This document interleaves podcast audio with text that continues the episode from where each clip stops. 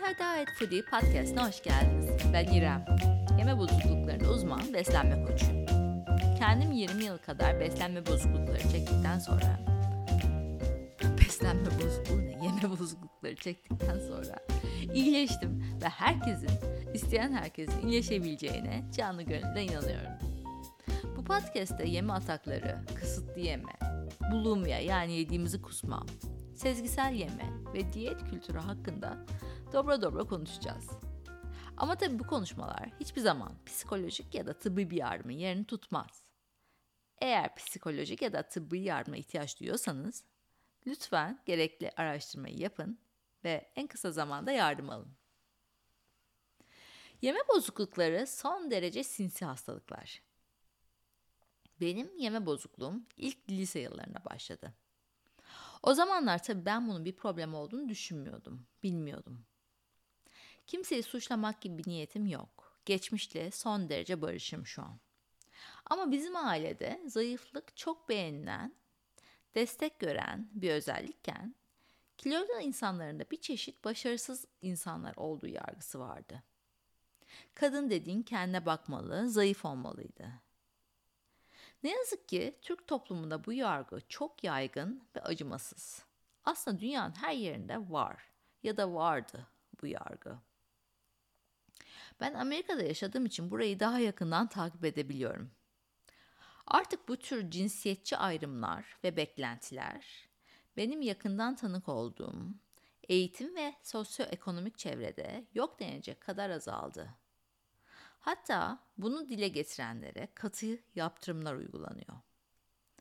Ama ben 80'ler çocuğu olduğum için o yılların Türkiye'si çok farklıydı.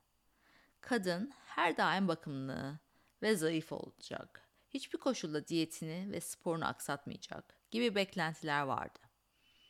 Halbuki kadın da erkek gibi her günü ayrı olan, istekleri, arzuları olan bir canlı. En salata seven insanın bile her gün salatayla, meyveyle beslenmesi, canının makarna, kebap istememesi imkansız. Erkek hamburger yiyince bu hiç göze batmazken, kadın yiyince bu bir konuşma konusu oluyor ne yazık ki. Sen diyette değil miydin? Ya da ay bugün benim diyet yalan oldu gibi konuşmalar ardı sıra geliyor. Benim daha bu yaz başıma geldi. Türk Bükü'nde bir sitede oturuyoruz. Bir akşam mangal yaktık, köfte yapıyoruz. O sırada komşu geldi. Komşu dediğimde kelli felli, ismini söylesem çoğumuzun tanı tanıyacağı bir adam. Grillin başında da ben varım. Bir yandan adam babamla sohbet ediyor, ediyor. Bir yandan da mangal yapıyoruz. O sırada adam bana dedi ki siz kaç kişisiniz İrem bu akşam? Ben de gayet saftirik bir şekilde sadece biziz altı kişiyiz dedim. Adam demez mi altı kişi nasıl yiyeceksiniz bu kadar köfteyi? Ne kadar çok yiyorsunuz siz? Bu adam eğitimli, toplumda sayılıp sevilen bir adam. Diyeceğim şu ki o bile 2022 yazında Türk Bükü'nde bunları söyleyebiliyorsa 1980'leri, 90'ları düşünün siz. Konuya dönüyorum. Benim ilk sinsi yeme bozukluğumun başladığı yıllara. Lise kantini çok net hatırlıyorum mesela. Çift kaşarlı tostlar, sosisliler, yengen diye bir şey vardı yengen. Bilmiyorum atıyorlar mıydı neydi? Herkes dersten çıkıp bir heves sıra olur, iştahlı iştahlı yiyeceğini ısmarlardı. Ben? Ben de ısmarlardım. Ben de altın başak diyet krakeri alırdım kendime. Onun da hepsini yemezdim. Gün içinde azar azar bitmesinden korkarak yerdim. Çünkü kendime o kadar hak görüyordum demek ki o zamanlar. Fazlası beni korkutuyordu. İşte ilk kısıtlayıcı yeme davranışları böyle başladı bende. Ama sonra eve geliyordum Annemle babam çalıştığı için evde kimse olmuyordu. Ben de bütün günün verdiği açlıkla buzdolabını açıp ne bulursam çok hızlı bir şekilde yiyordum. En sevdiğim dil peyniri ve simitti. Dil peynirini tavada eritip simitle yemeye bayılıyordum. Bundan olacak ki ilk e, terapi almaya başladığımda, koçumdan çalışmaya başladığımda dil peyniri ve simit benim en çok korktuğum yemekler arasındaydı. Ama tabii bunları hiçbir şekilde sakince ya da kendimi mutlu hissederek değil de sanki bir suç işliyormuş gibi hissederek yapıyordum.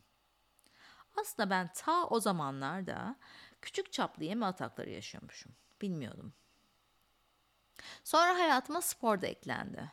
Çünkü bir gün böyle bir yemekten sonra, daha doğrusu yeme atağından sonra e, kendimi çok suçlu hissettim. Çok çok yemişim gibi hissettim.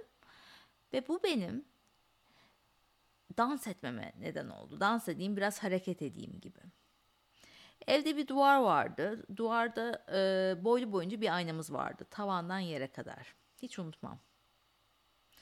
Ve ben o aynanın önünde dans etmeye başladım. Ve bu benim yeni rutinim haline geldi. Okuldan gel, minik çaplı bir yeme hata yaşa ve sonra aynanın önünde dans adı altında hareket et. Önce 20 dakika, hani eğleniyorum sanıyordum önceleri. Sonra 30 dakika, sonra bir saat. Tabii ki sadece artan ve hiç azalmayan bir obsesyonla yapılan bir egzersiz. Ve kimse bu durumda bir tuhaflık görmedi. Yani zaten dans ederken kimse görmüyordu. Çünkü evde yalnızdım. Ama çok hızlı biten dil peynirleri, simitler. Neyse lise öylece bitti. Ha bu arada şunu da söyleyeyim. Hiç de öyle kilolu biri olmadım. Yani bu kısıtlamaların ya da kronometre ile yapılan egzersizlerin sebebi kilolu olup zayıflamaya çalışmam değildi. Sadece kilo almaktan deli gibi korkuyordum. Lise bitti. İtalya'ya üniversite okumaya gittim. İşte yeme bozukluğumun en hızlı coştuğu dönem o oldu. Psikolojik faktörleri kesinlikle vardı ama fiziksel olarak şartlar elverişli duruma gelmişti artık. Kısıtlamak da, aşırı yemek de çok kolaydı. Hepsi benim elimdeydi. Bütün gün derse gir, dersten çık. Zaten çok hızlı geçiyordu zaman. Ve ben resmen gün içinde bir şey yemiyordum. Yani cappuccino'yu falan yemekten kahvaltıdan sayıyordum. Cappuccino'yu da şekersiz içiyordum. Sonra eve gelince bir yeme atağı ve pişmanlıkla günü kapatıyordum. Lise döneminde bizim evde tartı vardı. Ama ben tartıldığımı hiç hatırlamıyorum. Eminim tartılmışımdır ama yani demek ki o benim kafamda çok büyük bir yer etmemiş hatırlamıyorum. Ama üniversitede kendime bir tartı aldım. Ve her sabah okuldan önce ve her akşam okuldan gelince aç karnına tartılmaya başladım. Tartılmak da bir obsesyona dönüştü yani. O tartta gördüğüm küçük oynamalar benim bütün günümün modunu belirliyordu. İşte yeme bozukluğunun ilk yılları böyle başladı ve sonra da katlanarak, artarak devam etti. Dediğim gibi kimse olsun diye başlamıyor. Kimse bir anda yeme bozukluğum var diye uyanmıyor güne. Çok sinsice hayatımıza sızan ve çok gizlice, sinsice artan bir hastalık yeme bozukluğu. Bir akşam sağlıklı bir ruh haliyle yatıp ertesi gün tıkınarak yeme sendromu ya da bulimia ile uyanılmıyor. Peki alarm çanları neler? Hem kendimiz için hem de çevremizde bu problemi yaşıyor olabileceğini düşündüğümüz sevdiklerimiz için dikkat edebileceğimiz küçük de olsa ipuçları var mı? Evet, kesinlikle var. Bu haftaki bölümde biraz bunlardan bahsedelim. Bu arada bu konuya değinmeden önce kimsenin üzerine vazife değil birbirinin yeme biçimini veya yeme miktarını inceleyerek tanı koymak. Dikkatli bakmak bile. Eğer çocuğunuz, kardeşiniz, en can arkadaşınız gibi çok saf bir sevgi bağınız olan biri değilse veya sizden özel olarak yardım istenmediyse lütfen kimsenin yeme biçimini, miktarını incelemeyi vazife haline getirmeyin. Bu sizin göreviniz değil. Bu yapıcı olmaktan çok karşı taraf için yıpratıcı olur. Bu minik parantezi kapattıktan sonra gelelim tehlike çanlarından birincisine. Toplu halde yenen yemeklerde ben tokum özürünün altına saklanmak. Tabii ki bazen tok olabilir insan. Hepimiz oluyoruz. Ama hep ben tokum. Daha şimdi yedim. Daha evden çıkmadan yedim geldim. Okulda yiyip geldim. Diyen sevdiğimizi gözlemleyelim. İlla alarm verici şekilde zayıf olması da gerekmiyor bu arada. Onu da söyleyeyim. Benim bir sürü danışanım fazla kilosundan şikayet etmesine rağmen toplum içinde çok az yiyen ya da hiç yemeyen, hiç kendi için sipariş vermeyen ve daha sonra yalnız kaldığında tıkınarak yemeği atağa geçiren, daha sonra kendini tuvaletin başında bulan insanlar, kişiler. İkincisi de ee, çok çabuk biten yemekler. Aynı evi paylaşıyorsanız daha kolay hissedilebilir bu. Benim dil peyniri örneğimde olduğu gibi.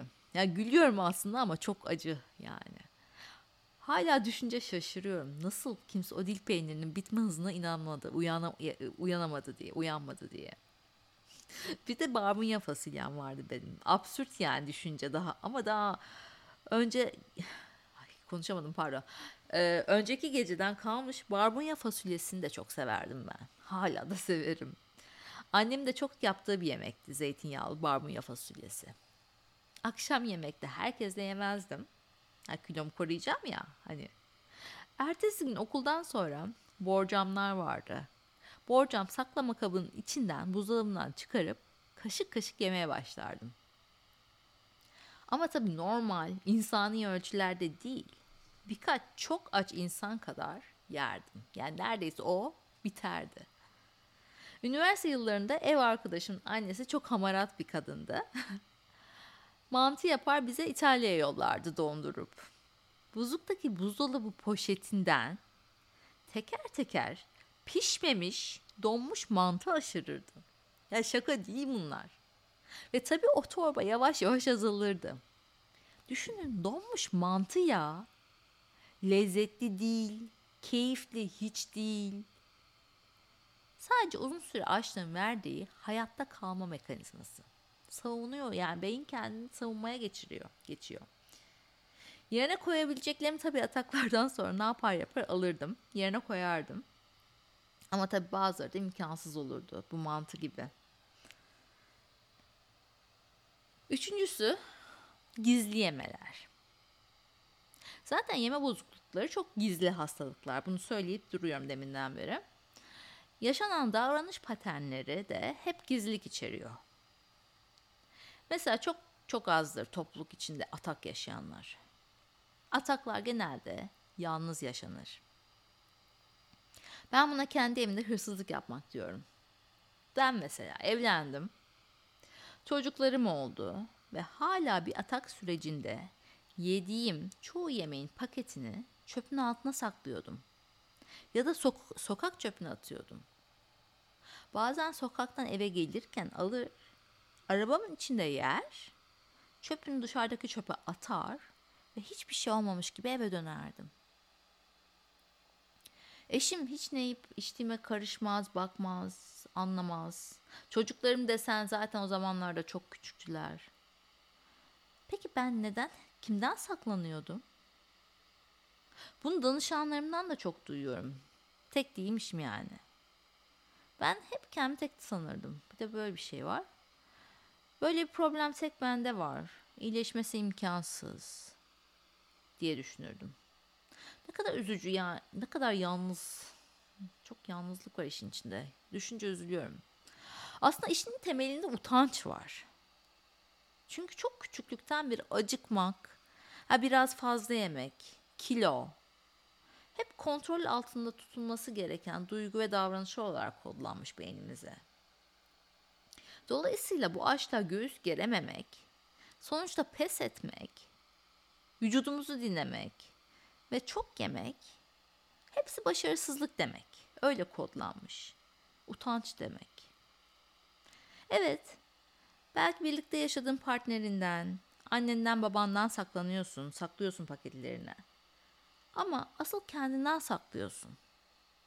Bu başarısızlığı, daha doğrusu başarısız diye adlandırdığın davranışı kendine yakıştıramıyorsun ve itiraf, itiraf edemiyorsun. Benim danışanlarım, ya bana mı öyle e, denk geliyor bilmiyorum ama hep çok başarılı insanlar. İnanın bir ortalama yapsam %30-35 zaten avukat. Şöyle diyorlar bana. İrem ben kafamı koydum her şeyi yapıyorum ama bu problemin üstesinden gelemiyorum çıldıracağım. Çok mükemmelliyetçi ruh haline gölge düşüyor sanki bu çok yeme hali. Halbuki acıkmak ya da acıkınca gereğinden fazla yemek bir başarısızlık ya da iradesizlik göstergesi değil. Ama bunu böyle görmeye alışmışız. Gelelim dördüncü alarm sinyaline. Yemekten sonra tuvalete gitmek ve tuvalette normalden fazla zaman harcamak. Şu an söylerken bile üzülüyorum. Ama bu direkt bulimia belirtisi olabilir. Gözünüzü açık tutun. Eğer sevdiğiniz kişi yemek biter bitmez tuvalete gidiyorsa, tuvalete gitmeden önce dikkat çekici şekilde fazla ve çok hızlı bir şekilde yiyorsa bu bir bulimia işareti olabilir. Başka bir bölümde sırf bulimia'yı ele alıp baştan sona konuşmak istiyorum. Çünkü çok büyük bir chapter. Ama burada da çok kısa değineceğim. Tuvaletten çıktıktan sonra gözlerde kanlanmam, nefeste kokmam ya da diş macunu kokması, yüzde özellikle çene bölgesine şişme, parmak eklemlerinde kızarmam, yıpranmam, bedende oluşan gözle görülür uyarı çanları olabilir. Ayrıca tuvalet camını havalandırma amaçlı açmam, tuvaletten çıkarken oda spreyi ya da parfüm sıkmam, yoğun kokular yani veya yoğun deterjan kokuları da uyarıcı sinyaller arasında yer alabilir. Beşinci dikkat edilmesi gereken değişim de yeni ortaya çıkan yemek ritüelleri, yeme ritüelleri. Ee, mesela bunlar ne olabilir? Ee, belli bir saatten sonra yemekten kaçınmak mesela. Ben 5'ten sonra yemiyorum, 6'dan sonra yemiyorum. Hmm. Dikkat dikkat. Akşam yemeğini aileyle değil de odada yalnız yemeye başlamak. İşte hani ben Netflix izleyeceğim, yemeğimi böyle tek başıma yiyeceğim gibi kaçmalar. Ee, yemekleri gereğinden küçük lokmalara bölmek. Böyle minik minik lokmalar haline getirmek.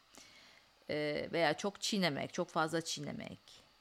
Veya belli yemek gruplarını tamamen beslenmeden çıkarmak da dikkat edilmesi gerekenler listesinde. Sen zaten anne olarak, bir yakın olarak yani gerçekten bu çok can bir arkadaşınsa ya da çok gerçekten candan sevdiğin biri ise fark ediyorsun ama kondurmak istemiyorsun. Ama işte gözümüzü açık tutalım çünkü ne kadar e, çabuk yardım alırsak çözüm o kadar kolay. Kendi kendine gitmiyor yani bu hastalık ne yazık ki. Altıncı olarak kilo, kilo kaybı, obsesif şekilde tartılma ve son dönemde hayata yeni giren ve süresi, dozu sürekli artan, hiç azalmayan spor. Bunlar da alarm çanları listemize e, eklemezsek olmazlardan. Olmazsa olmazlardan. Konuşamadım. Onlar genelde ilk fark edilen ama bir şekilde diyet kültürünün yardımıyla görmezden görülebilen görmezden gelinebilen veya kabul edilebilen değişiklikler. Tekrarlıyorum. Kilo kaybı, obsesif şekilde tartınma, hayata son dönemde giren egzersiz. Bu davranışlar çoğu zaman normal kabul edilebiliyor ve bize düşen ebeveyn olarak biraz uyanık olmak. Şimdi espri yapıyorum gibi gelecek ama hiç espriye açık bir konu değil. Ee, tüm ciddiyetimden söylüyorum şu anda. Yedinci alarm çanı olarak adlandıracağım bunu.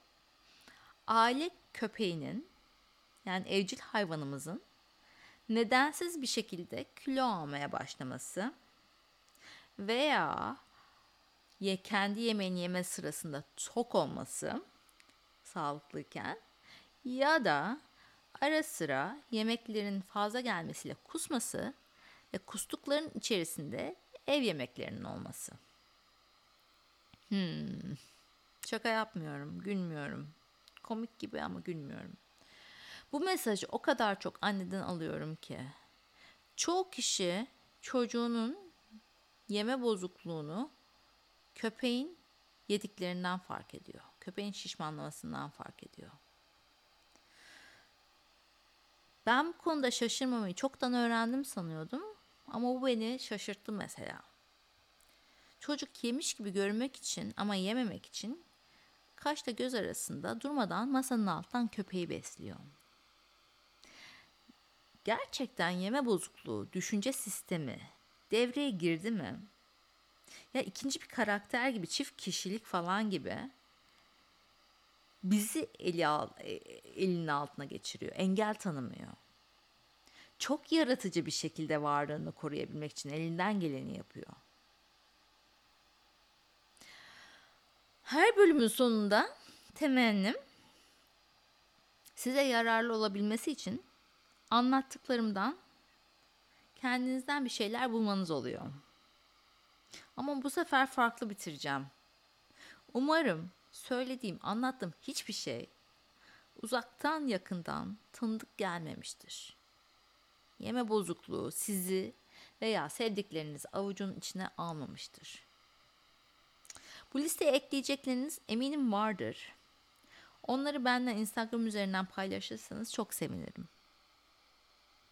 Bugünlük bu kadar diyelim. Konu biraz iç acıtıcıydı bugün. Benim de konuşma kabiliyetim biraz azdı. Kusura bakmayın o yüzden. Ama şöyle bitireyim. Kendinizden lütfen vazgeçmeyin. Unutmayın günden güne, öğünden öğüne iyileşiyoruz. Eğer iyileşmek için destek ihtiyacınız olduğunu düşünüyorsanız ben yeme bozukluklarında uzman beslenme koçuyum. Online danışan alıyorum. Bana Instagram'dan at antidietfoodie'den ya da web sayfamdan www.iremlazlo.com'dan ulaşabilirsiniz. Lazlo W yani yazılıyor bu arada. Ee, ayrıca bu bilgileri show notlarda da bulabilirsiniz. Bu podcast'i faydalı bulduysanız, yorum bırakırsanız ve takip alırsanız görünürlüğünü arttırarak daha fazla kişiye ulaşmasını sağlarsınız. Ee, tekrardan zamanınızı ayırıp dinlediğiniz için sonsuz teşekkürler. Sağlıkla kalın.